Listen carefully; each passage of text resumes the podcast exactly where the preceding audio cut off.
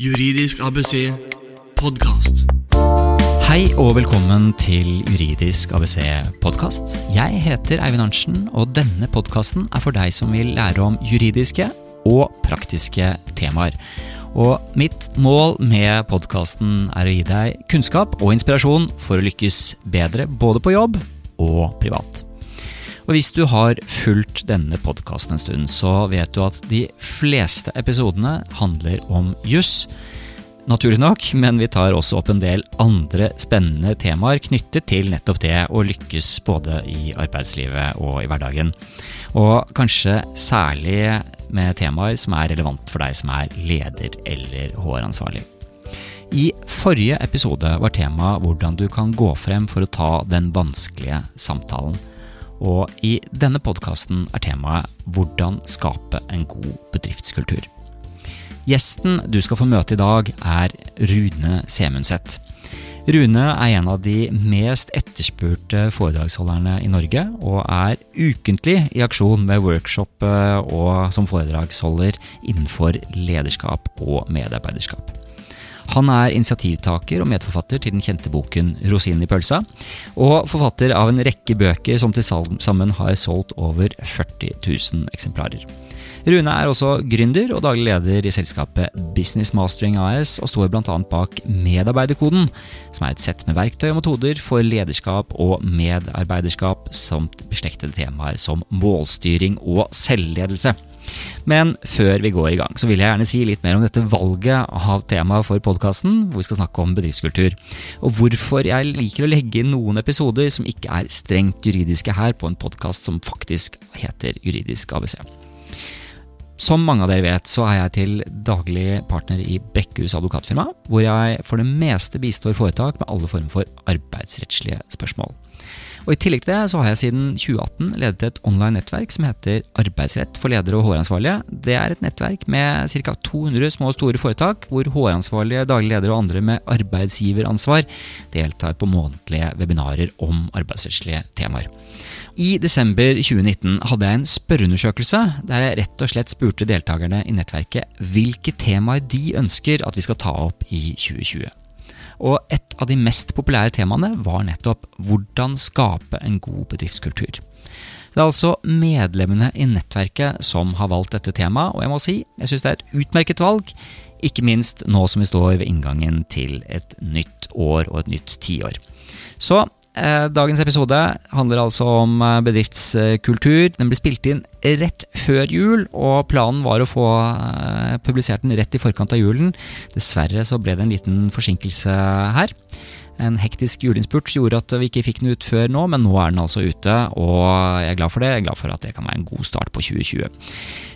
Som du vil høre i praten, så snakker Rune og jeg om at vi skal ha et webinar eh, om det samme temaet, hvor vi kommer til å gå mer i dybden enn vi får til her på podkasten. Hvis du er i målgruppen for webinaret, så eh, gå og se i informasjonsteksten som du finner knyttet til denne, podkasten, så får du lese mer om hvordan du kan delta på webinaret. Men nå er det på tide å komme i gang, og vi hopper rett inn i samtalen jeg hadde med Rune Semundset rett før jul. Du hører Juridisk ABC podkast. Og da sier jeg velkommen til deg, Rune. Tusen takk, Eivind. Veldig hyggelig at du kunne være med på podkasten. Og det er jo litt annerledes tema vi skal snakke om i dag enn det vi pleier å ha på Juridisk ABC. For de fleste av episodene her sånn, så snakker vi om mer rent juridiske temaer. Men i dag så skal vi snakke om medarbeiderkoden, eller vi skal snakke om kulturkoden. Ja. Og hvordan, eh, hvordan ledere Mm. Kan, og kanskje også øvrige ansatte, kan gjøre litt for å få en bedre arbeidsplass. Jeg tenker at det, mm. Eh, noe av grunnen til at jeg vil ha deg med her, sånn, Rune, det er jo fordi at eh, mange av de som hører på Juridisk ABC, mm.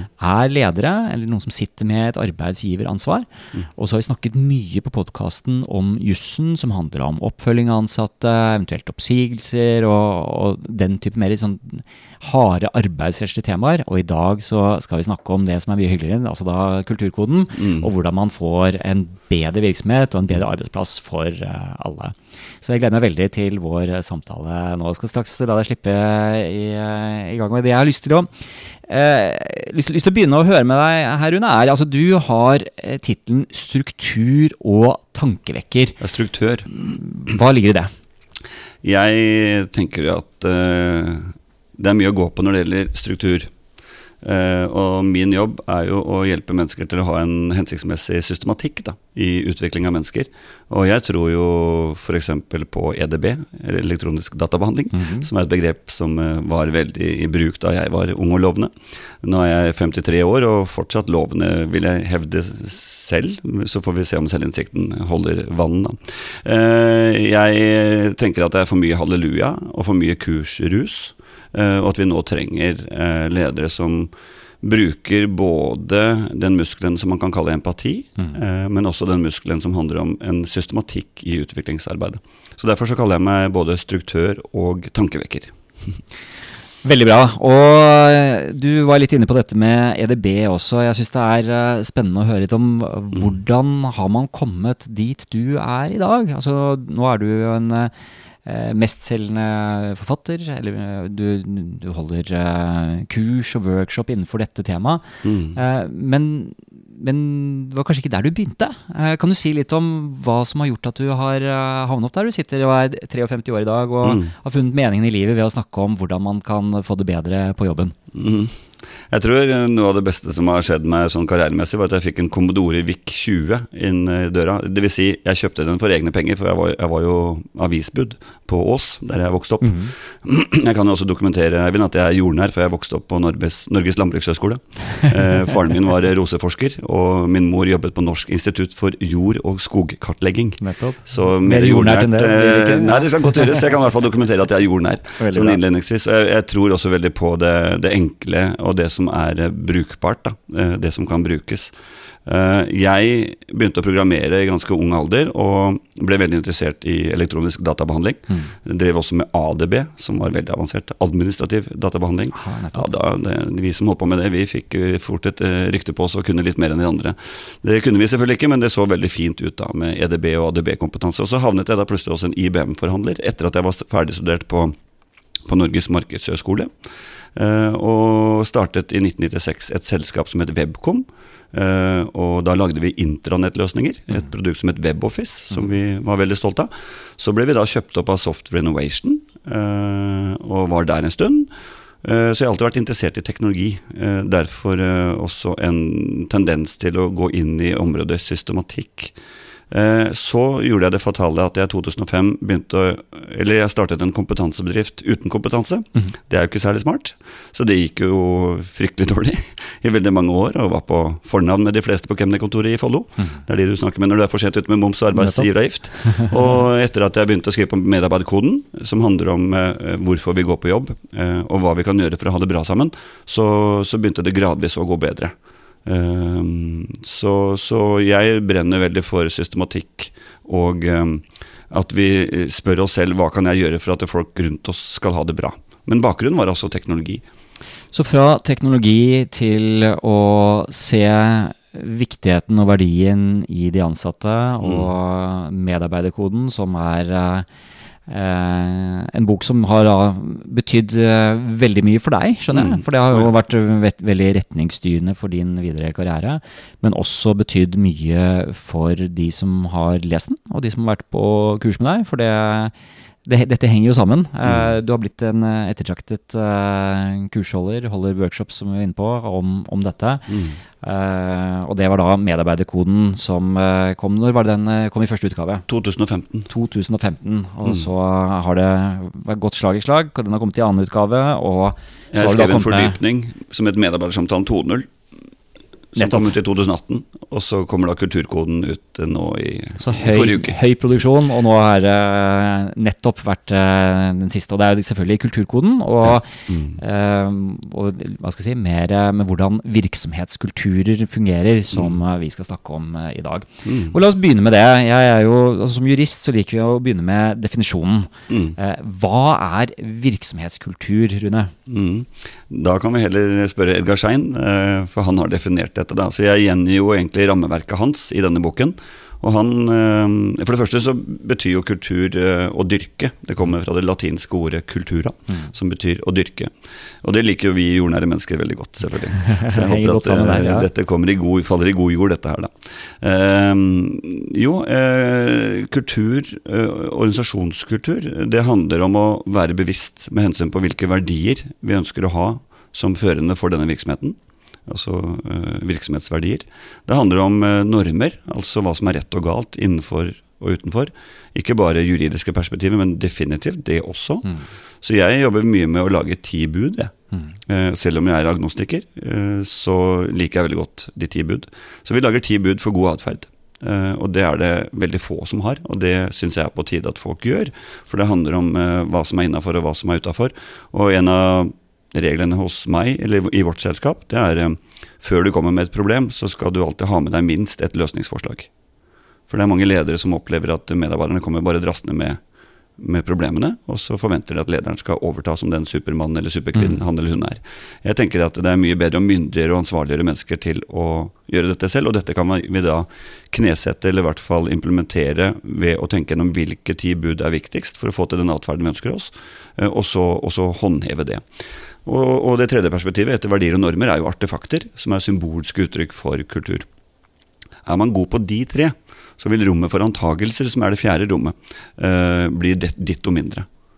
Så er man tydelig på verdier, normer og artefakter, så vil rommet for antagelser bli ditto mindre, og vi får en, i større grad en kontroll over egen virksomhetskultur. Da. Dette er spennende, og jeg liker jo da å dykke enda litt sånn dypere ned i disse hovedoverskriftene som du tar opp. Altså verdier, eh, for å begynne med det, Rune. Mm. Eh, tydelige verdier. Mm. Eh, hvordan er det verdiene typisk kommer til uttrykk i et, eh, si, et, foretak som har en god virksomhetskultur? Hva er det som mm. kjennetegner eh, mm. de gode foretakene når det gjelder tydelige verdier? De er eh, iallfall veldig gode på rekruttering. Mm. Eh, det har dere snakket om tidligere på Juridisk ABC. Eh, og jeg kan ta et eksempel. Min bror eh, er daglig leder i et IT-selskap som heter Miles, og de har to verdier. En kald og en varm, kan mm. man si. Mm. Faglig autoritet.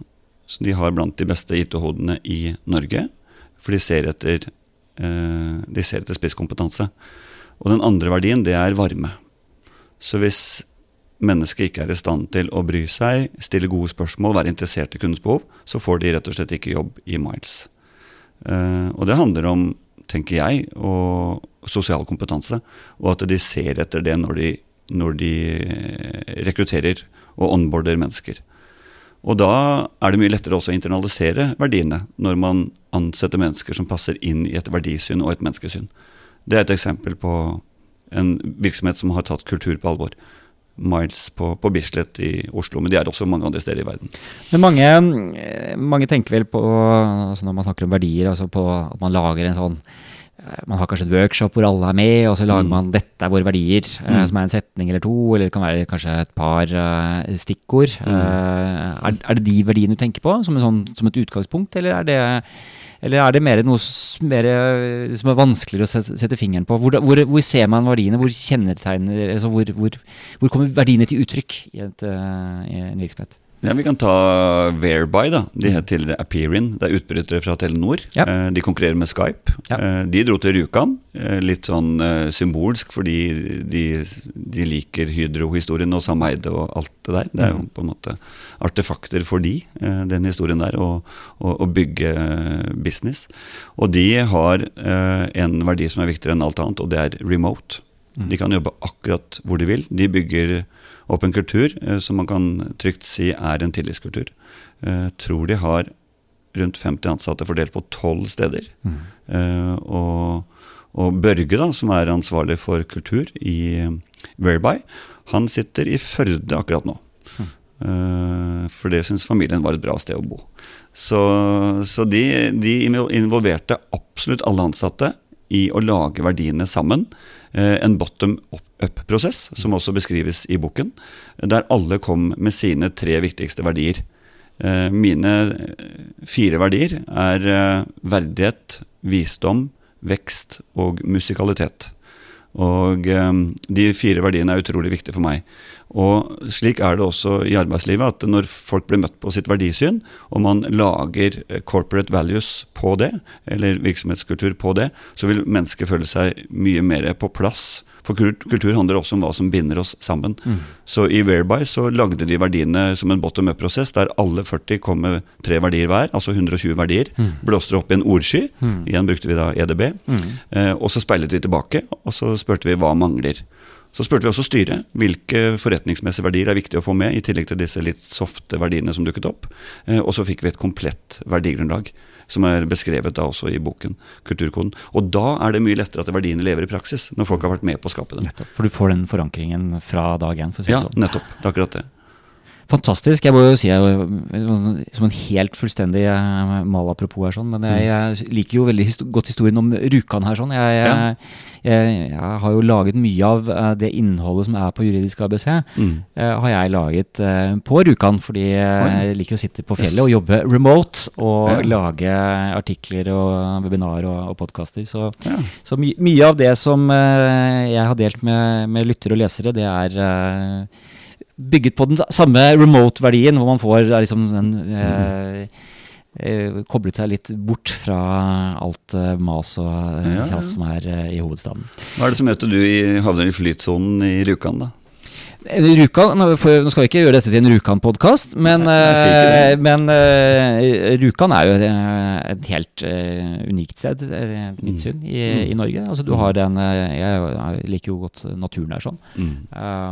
Fantastisk forhold mm. med Rjukan i en dyp dal, og så har du Gaustatoppen mm. som et mm. høyt fjell ved siden av. Det er jo, det er jo helt i, i særklasse, magisk der sånn. Og så har du alt dette som ligger i historikken der sånn, som, som du sier, ikke sant. Altså, med, med Sam Eide og selvfølgelig med alt fra krigen og mm. ja, nei, Så det mm. er uh, unikt i, i, norsk sammenheng. Så får vi håpe mm. på en, uh, en ny industrivår for uh, Rjukan. Men uh, det var sånn sett om, om verdier.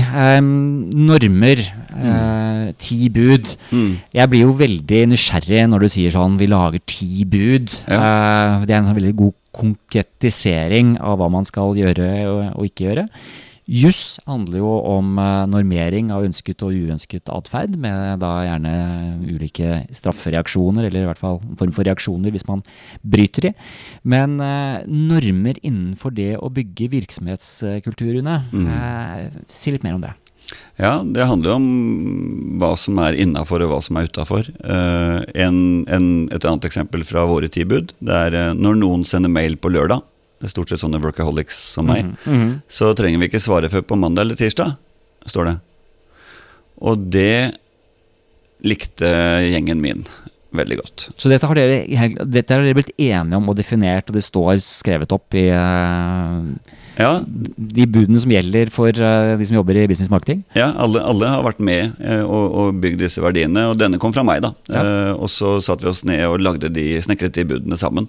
Og, og, noen trodde jo at de måtte svare på søndag. Og jeg tror det var Tove Reidun som sa at betyr det at jeg trenger ikke svare på søndag. Ja, Definitivt. For jeg vil gjerne at du skal ha et liv. Mm. Jeg vil gjerne at vi hviler i helgen så godt som mulig. For det er krevende i perioder å jobbe med lederutvikling. Og, og selv om vi har ganske lange ferier, så, så er det til dels ganske, ganske, lange arbeidsdager. Og da er det veldig viktig at vi hviler i helgene. Mm. Og hun satte veldig pris på det, øh, og sluttet da å svare på søndager. Så det er klart, eh, holdninger og handlinger det henger sammen, og jeg har en holdning til at folk skal ha et godt liv. da. Jeg tenker Soria Moria for all ledelse må være å legge til rette for gode liv. Og da sier jeg amen, selv om jeg ikke er agnostiker. Det, det, er det det handler om til slutt. At vi legger til rette for hverandre og skaper gode liv. For vi er ganske mange timer av vår våkne tid på jobb. Og Da er det veldig viktig at vi utviser velvilje og prøver å sette oss i hverandres steder. Da. Og, og, da tenker jeg ti bud kan være en, en veldig viktig hva skal jeg si, plattform for å, for å være tydelig på hva som er innafor og hva som er utafor, og at vi utviser ledelse. Og Da er det mye lettere for meg å være leder også og si husk bud nummer fire. Mm. Eller mm. husk, altså Hvis noen kommer da med et problem uten løsningsforslag, så sier jeg automatisk du, husker du bud syv? Ja, selvfølgelig. Hva er første bud, da? Eh, første bud er at vi skal være åpne og ærlige og rett på. Mm. Uh, våre tre verdier i vårt selskap det er bedre enn i går. Det er innlenelse, som vi syns er steget forbi innlevelse. Mm. Og så er det skikkelig. Mm. Gjøre ting på en skikkelig måte. Uh, og det er tre verdier som vi tar fram ofte, og som vi bruker også for å trene ferdigheter. For å kunne være skikkelig så er det så mange ting som må til. Du la sikkert merke til at jeg kom litt for tidlig til dette møtet, mm. og det gjør jeg alltid. Fordi det er mye bedre å komme fem minutter for tidlig enn ett minutt for sent. Uh, og vi har en verdi som heter skikkelig. Så derfor, hvis noen hos oss begynner å komme for sent til møter, så, så varer ikke det lenge før du har et gult kort. Og uh, vi begynner å spørre hvilke andre arbeidsgivere kan ha bruk for dine talenter. Fordi det er noen ting som er viktigere enn andre, og det er verdier og normer. Dette er Juridisk ABC-podkast med advokat Eivind Arntzen jeg må jo si jeg syns det er veldig fascinerende å, å, høre på her sånn. Og jeg tenker at dette er jo eh, Det er klart, når vi snakker om normer og normering av mm. ønsket atferd, så er det jo et veldig godt utgangspunkt som du eh, begynner med i, i budet. Jeg får jo lyst til å bare fritte deg nå på mm. de videre budene. Jeg tror jeg i hvert fall skal prøve meg på bud to, for det er jeg veldig, mm. veldig interessert i nå. Hva er andre bud uh, hos dere? Fordi det, jeg syns dette er gode eksempler. Ja, det andre budet er at vi, vi Det er noe med framsnakking og, og baksnakking. Mm. Uh, for vi hadde en person hos oss som drev med litt sånn splitt og hersk. Mm. Og ut fra det så lagde vi et bud, og det går på Nå skal jeg forsøke å huske. Vi misliker enhver tendens til nedsnakking, står det. Uh, for vi har det slik at hvis noen snakker et annet menneske ned, så spør vi har du tatt det med vedkommende. Mm. Uh, for uh, hun som da drev med dette, hun er ikke hos oss lenger. Mm. Og da viser, vi da viser vi da til bud to hvis dette skjer igjen. Så det budet var ikke på plass før vi så at dette var alvorlig. Det trenger vi absolutt ikke. Splitt og hersk. Så dette handler om å få en åpen kultur og unngå den type ja. ja. vi fjernet faktisk et bud, eller slo to bud sammen for å gjøre plass til dette. så det, budene kan revideres? Det er, ikke som, ja. det, er ikke, det er ikke skrevet i stein? Da, for å si det på den måten. Nei, når vi så disse triste Nei, de er eh, ikke hogget i stein i det hele tatt. De er snekret på nettet. Vi bruker jo nettskyapplikasjoner for å håndheve disse forventningene da, som det handler om. Vi forventer at alle som jobber hos oss, eh, holder seg til de ti bud. Og hvis det er slik at de ti bud eh, ikke overholdes, så er det slik at alle er kulturpoliti. Alle er kulturvarslere. Det er et begrep eh, jeg har, eh, som jeg tror jeg eh, er den første som har skrevet om i, i, i bøker om organisasjonskultur. Mm. At alle er kulturvarslere. Alle har et ansvar i å si fra. Så kombinasjonen av at alle er med og håndhever verdier, normer og den kulturen vi ønsker oss, verdien av det er at vi skaper den verdien vi alle vil ha, og den forutsigbarheten og tryggheten vi alle ønsker oss i, i livet. Og um, kulturvarsling, det handler om at um, hver og en føler seg ansvarliggjort for å være en kulturbygger da, internt. Jeg tenker at det er ikke så stor forskjell på å være leder og medarbeider. Eh, mm. Det er et menneskeansvar mm. å gi feedback. Det er ikke kun et lederansvar. Nei, og jeg tenker Det er veldig, en veldig fornuftig tilnærming. og Det gjør jo også det vi snakker, altså det vi snakker om, det er eh, relevant for alle. Enten ja. du er medarbeider eller leder, så har du jo ansvar for den mm. kulturen man er i, og den virksomhetens eh, hva skal jeg si, eh, evne til å vise omsorg og omtanke til hverandre også. Ja. Um, men for, for, å isolere litt eh, det som faktisk er uh, noe av problemet mm. mange steder, da, uh, at man har en dårlig, dårlig virksomhetskultur. Mm. Hva er de største feilene en leder kan gjøre? Hva, er, hva, er, de store no-no-ene som fremmer en dårlig kultur, og som vi da vil unngå? Mm. Jeg tenker at Det største problemet i norsk ledelse er manglende tydelighet i relasjonene. Mm. og manglende tydelighet med hensyn på hva som er innafor og utafor. Altså de ti bud. Det mangler, utrolig nok. Nesten overalt. Uh, og når jeg spør i hvilken grad har du snakket om forventninger med den enkelte, så får jeg veldig dårlige svar, egentlig. Så jeg mener at dette må skriftliggjøres. At man lager en uh, liste med noen bud som gjelder i hver eneste relasjon, ledermedarbeider, men også spilleregler for alle. Så forventningskontrakt kaller vi det. Mm. Uh, og den er delt i to. Uh, dette gjelder alle, altså ti bud, og dette gjelder deg og meg. Ja, og vi kan også gjerne lage teamregler, hvis man jobber mye i team. Så, så det, det, er et problem. Det, mm. noe av det du er opptatt av, er jo dette mm. med at ja, du skal ha de, si, de overordnede rammeverket mm. for virksomheten, mm. men så må det samtidig være godt med rom for skreddersøm. Ja. Uh, og medarbeidersamtalen 2.0, mm. uh, det er ikke et uh, skjema som har blitt dobbelt så langt, og som er dobbelt så si, hugget i stein. du er jo mer enn tilhenger av fleksibilitet, skjønner jeg, eller skreddersøm, som du ja, sier. Definitivt. si litt mer om det. Ja, jeg har jo lagt merke til at mange sitter og leser fra et eller annet skjema som er lagd av noen. Mm. Uh, og uh, det, det, er typisk sånn som uh, mange ledere gjør, det, at de får at HR har et skjema, eller at ja. noen har laget et skjema for mange år siden, og det ja. er det vi bruker, og, og sånn er det. Ja. Alle skal gjennom samme kverna, for å si det på den måten. Men hvorfor er det feil? Ja, Det er jo nitrist. For det første så mister vi veldig mye av forankringen når ledergrupper i altfor liten grad lager lederverktøyene sammen. Så jeg foreslår skattejakt, ja, der vi går på jakt etter de beste spørsmålene eh, som passer i vår kontekst. Og I en stor virksomhet så kan det godt være behov for tre-fire forskjellige spørsmålsmenyer, fordi det er veldig forskjellig å jobbe på juridisk avdeling og jobbe f.eks. Eh, med salg. Eh, så, så, Derfor så lager vi gjerne spørsmålsmenyer som er tilpasset kontekst. da. Eh, jeg har fått høre offentlige institusjoner der jeg ser at skjemaet er i veien for den gode samtalen, mm. og at alle skal få de samme spørsmålene, er jo fullstendig galt, fordi folk er forskjellige. Derfor så trenger vi å skreddersy agendaen til den enkeltes behov. Det vi har gjort, er å lage noe som heter ti spørsmål. Der, la oss se for oss at eh, advokatbyrået Brekkhus da, mm. har 25 gode spørsmål i en meny så er det som på en restaurant. Du velger jo ikke alle menyvalgene, for da blir du stappmett. Ja. Eh, men du plukker ut de som er mest relevante for deg. Og ti spørsmål handler om at eh, medarbeider plukker ti spørsmål først. Og så legger leder til fem eller seks spørsmål. Og kanskje lager to spørsmål til Eivind, som er basert på Eivinds knytning til Rjukan, eller andre eh, viktige hendelser og overskrifter i livet. Da Vigdis Austrheim begynte å jobbe hos oss, så stilte jeg følgende spørsmål i medarbeidersamtale. Det var eh, de årene du hadde i Microsoft og gjorde veldig stor suksess. Hva var det viktigste du lærte der, som du i større grad kan ta med deg inn i business mastering? Og da sa hun bravo. Og jeg svarte ja, og hva er svaret? Og det svaret var så godt at det fikk vi faktisk bruk for. For det er noe med læring tidligere i livet og overskrifter som vi som ledere har uh, mye glede av når vi er nysgjerrige nok til å sette oss inn i den enkeltes behov. Mm. Og det handler om at vi har en vi har en styringsrett, men vi har også en omsorgsplikt. Og vi har også en nysgjerrighetsplikt, for ikke å snakke om en raushetsplikt. eh, I det å finne de spørsmålene som sier noe om hvem Eivind er, og hvordan han kan bli, bidra enda mer til produktivitet og positivitet i det selskapet han jobber i.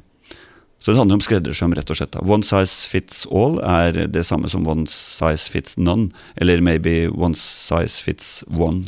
Så det jeg eh, forstår Dette er veldig lærerikt og veldig, veldig spennende, Rune. Men mm. det, det, jeg uh, føler at man kan koke dette litt ned til, mm. er jo noe jeg hørte en bedriftsleder si for mange mange år siden, og som vel, vel flere har sagt opp gjennom årene også, men dette med å Eh, du må bry deg om folka dine. Mm. Eh, du må se de enkelte og eh, ha mm. omsorg og kjærlighet for de ansatte. Mm. Og ikke minst legge si, oppfølgingsplaner, alt fra mm. medarbeidersamtalen til mm. å sette mål osv. Ja. At det må være en individuell prosess, og ikke kjøre alle gjennom liksom, akkurat den samme kverna hele tiden. Ja, Et empatisk og kjærlig spørsmål vil jo være hvis en person har vært gjennom en skilsmisse. Det vet jeg litt om, for det har jeg selv vært gjennom for ikke lenge siden. Og det er krevende. Mm. Og da trenger vi folk rundt oss som spør eh, hva trenger du av meg nå? Mm. Så det handler om også å stille spørsmål uh, i kontekst, i situasjonen, og ikke vente til medarbeidersamtalen, selvfølgelig. Men i medarbeidersamtalen så har vi litt ekstra god tid til å stille de spørsmålene som er litt større og litt mer langsiktige. Og da mener jeg det er en viktig struktur, som igjen påvirker kultur.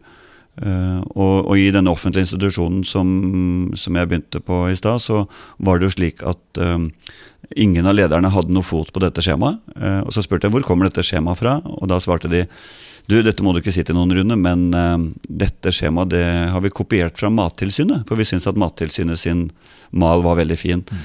Og det er jo, da går man glipp av den gode forankringen. Så jeg anbefaler ledergrupper og HR, og gjerne tillitsvalgte, til å gå i en skattejakt sammen og lete etter hva er de beste spørsmålene i vår kontekst. Og så velger man ut fra det. Og det er medarbeideren velger først. Da får du en helt annen forankring. Først i ledergruppa, og så får du en forankring av samtalen på det individets behov. Og det kan man godt uh, si fører til at men flere mennesker føler seg sett uh, som det de er. Og da vil samtalene bli helt annerledes.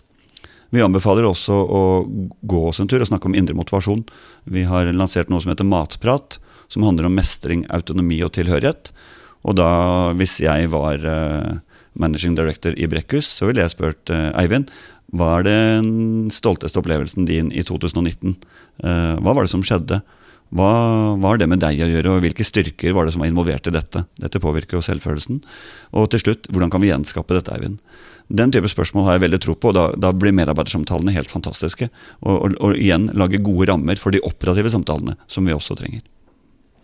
Da er jeg veldig spent på om eh, Frank eh, tar opp hansken der og, og, stiller de samme spørsmålene. Det finner vi vel ut av framover. Mm. Um, dette er veldig spennende, Rune, og det er, det er et stort område. Mm. Uh, jeg føler at du har gitt oss en del gode tanker her sånn nå, mm. uh, som er et godt sted å begynne. Jeg må jo si at det, det er interessant hvordan dette i utgangspunktet ikke-juridiske tema, mm.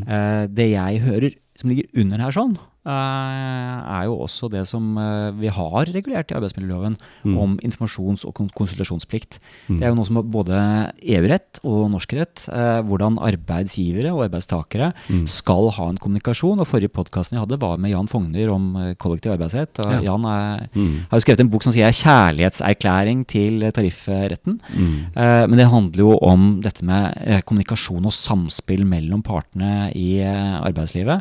Mm. Jeg synes det vi har snakket om i dag, det bringer det hele enda mer si, intimt inn i forhold til hver enkelte. Så vi tar det litt sånn fra mm. på organisasjonsnivå og ned på, på enkeltperson og enkeltindividsnivå. Og en mer ikke-juridisk, men samtidig juridisk relevant kontekst. Så jeg syns det er veldig spennende. Mm. Vi har snakket, Rune, om å ha et webinar, en online workshop, hvor vi går enda, videre, enda dypere mm. inn ja. i hvordan man kan bygge en god bedriftskultur, eller virksomhetskultur. Mm. Eh, hvordan vi kan snakke mer basert på din bok, Kulturkoden, mm. og, og, gi ledere konkrete verktøy for å jobbe videre med virksomhetskultur.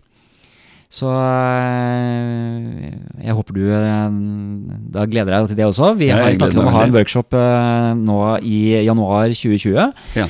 Så hvis du som hører på her sånn har lyst til å være med Rune og meg på et webinar, en online workshop, så er det noe som vil være tilgjengelig for deg som er leder eller HR-ansvarlig, du som har et lederansvar, eh, så, som et ledd i Eh, nettverket, online-nettverket Arbeidsrett for ledere og HR-ansvarlige, så vil vi da holde en eh, workshop på nyåret hvor du kan få direkte interaksjon med, med Rune også, stille spørsmål og være med på chatten. Og få en umiddelbar læring via, via skyen. Og jeg vet at du som EDB-mann syns jo at den type kommunikasjon er bra, er det ikke sånn? Ja, og, og, julen er jo en fin refleksjonstid, så kanskje vi også i mellomtiden da snekret noen gode spørsmål som vi kan ta med oss inn til det webinaret. Et, et, spørsmål som jeg kan tenke meg å stille til deg, Eivind, det er jo hva hvis eh, 2020 skulle bli ditt aller beste jobbår? Hva er annerledes da? Og så kan vi starte året ikke med å lage nyttårsforsett, men i hvert fall å se for oss hva som kan gjøre neste år enda bedre enn fjoråret. Jeg har faktisk et uh, definert uh, nyttårsforsett, og det er å lage flere podkaster jevnlig. Ja. Uh, for det syns jeg er en spennende mm. del av jobben, mm. og det har jeg vært for dårlig på en stund nå. Fordi jeg har mm. hatt uh, altfor mye å gjøre. Nå er det mer, mer struktur i det daglige, og mm. sørge for faste innspillingsdager. Så da blir det podkaster er det som er Så høyt på min plan. Og jeg ser du smiler mens du sier det, så det tyder jo på at dette blir et morsomt år, da. Absolutt. Hvilke mm. forsetter har du? Hva er det du ser for deg å jobbe mer med? Og hvordan skal du skape en bedre jobbhverdag for deg og, og dine medarbeidere neste år? Det er et godt spørsmål. Jeg må tenke litt. Jeg tror det blir å lage veldig interessante workshops knyttet til prosessene og metodene i Kulturkoden. Uh, jobbe målrettet med det. fordi etter å ha gitt ut boken 'Medarbeidersamtalen 2.0', som jeg også er veldig stolt av, mm. uh, som handler om å gjøre plass til mennesket, uh, og ha en viss systematikk i arbeidet med strategiske og operative samtaler, så fant jo jeg ut etter at boken var gitt ut, at shit, jeg glemte det viktigste. Nemlig kultur. Mm. Og Peter Drycker har sagt 'kultur spiser strategi til frokost'.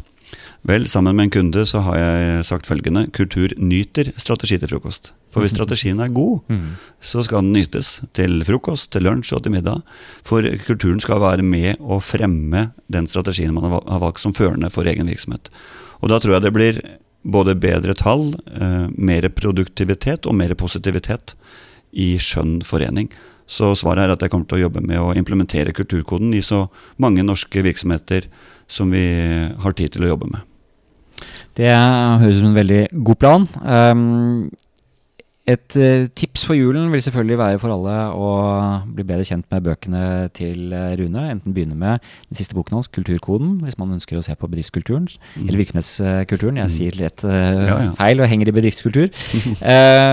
eller selvfølgelig også da, hvis man vil jobbe mer si, strategisk riktig med medarbeidersamtaler, og sørge for å legge til rette for mer skreddersydde samtaler, så har man medarbeiderkoden.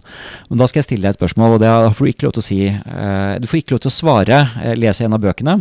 Men hvis eh, vi nå skal avslutte med å gi et helt konkret råd til en leder som hører på podkasten. Hvordan vedkommende kan bruke tiden nå ved årsskiftet til å planlegge helt konkrete, enkle tiltak, de lavthengende fruktene, de første, liksom, mm. første, stegene man kan ta for å få en bedre virksomhetskultur. Mm. Hvor skal vedkommende begynne? Noen enkle råd, enkle verktøy. Kan du gi oss det? Ja, jeg tenker i alle fall at det er viktig at alle som jobber sammen, vet litt om hverandres verdier. Eh, så det å se litt rundt deg og spørre de nærmeste hva er dine verdier, og i hvilken grad er dine verdier eh, en del av arbeidsengasjementet ditt. da. Hvordan henger disse tingene sammen? For Hvis vi ser at individets verdier korrelerer med virksomhetens verdier, da føler vi oss hjemme. Da er vi på rett sted. Så det kan jo være en start, det, å, være litt interessert i de man har rundt seg og under seg. Hvilke verdier er førende for ditt liv? Eh, for de er retningsvisende. Og når folk føler seg møtt på egne verdier eh, og, etikk og moral, så tror jeg folk har lyst til å bli lenger og gjøre sitt beste for arbeidsgiver. Så jeg tror det er en veldig lønnsom tilnærming. Og for å kunne løfte det kollektivt, så er det viktig at ledergrupper, tillitsvalgte og eh, kall det mm, folk som har makt, men uten at de har formell makt, er med på Kall det skattejakt. da, mm. Etter uh, de verdier, normer, men også spørsmål som gjør at både individ og organisasjon går i samme retning.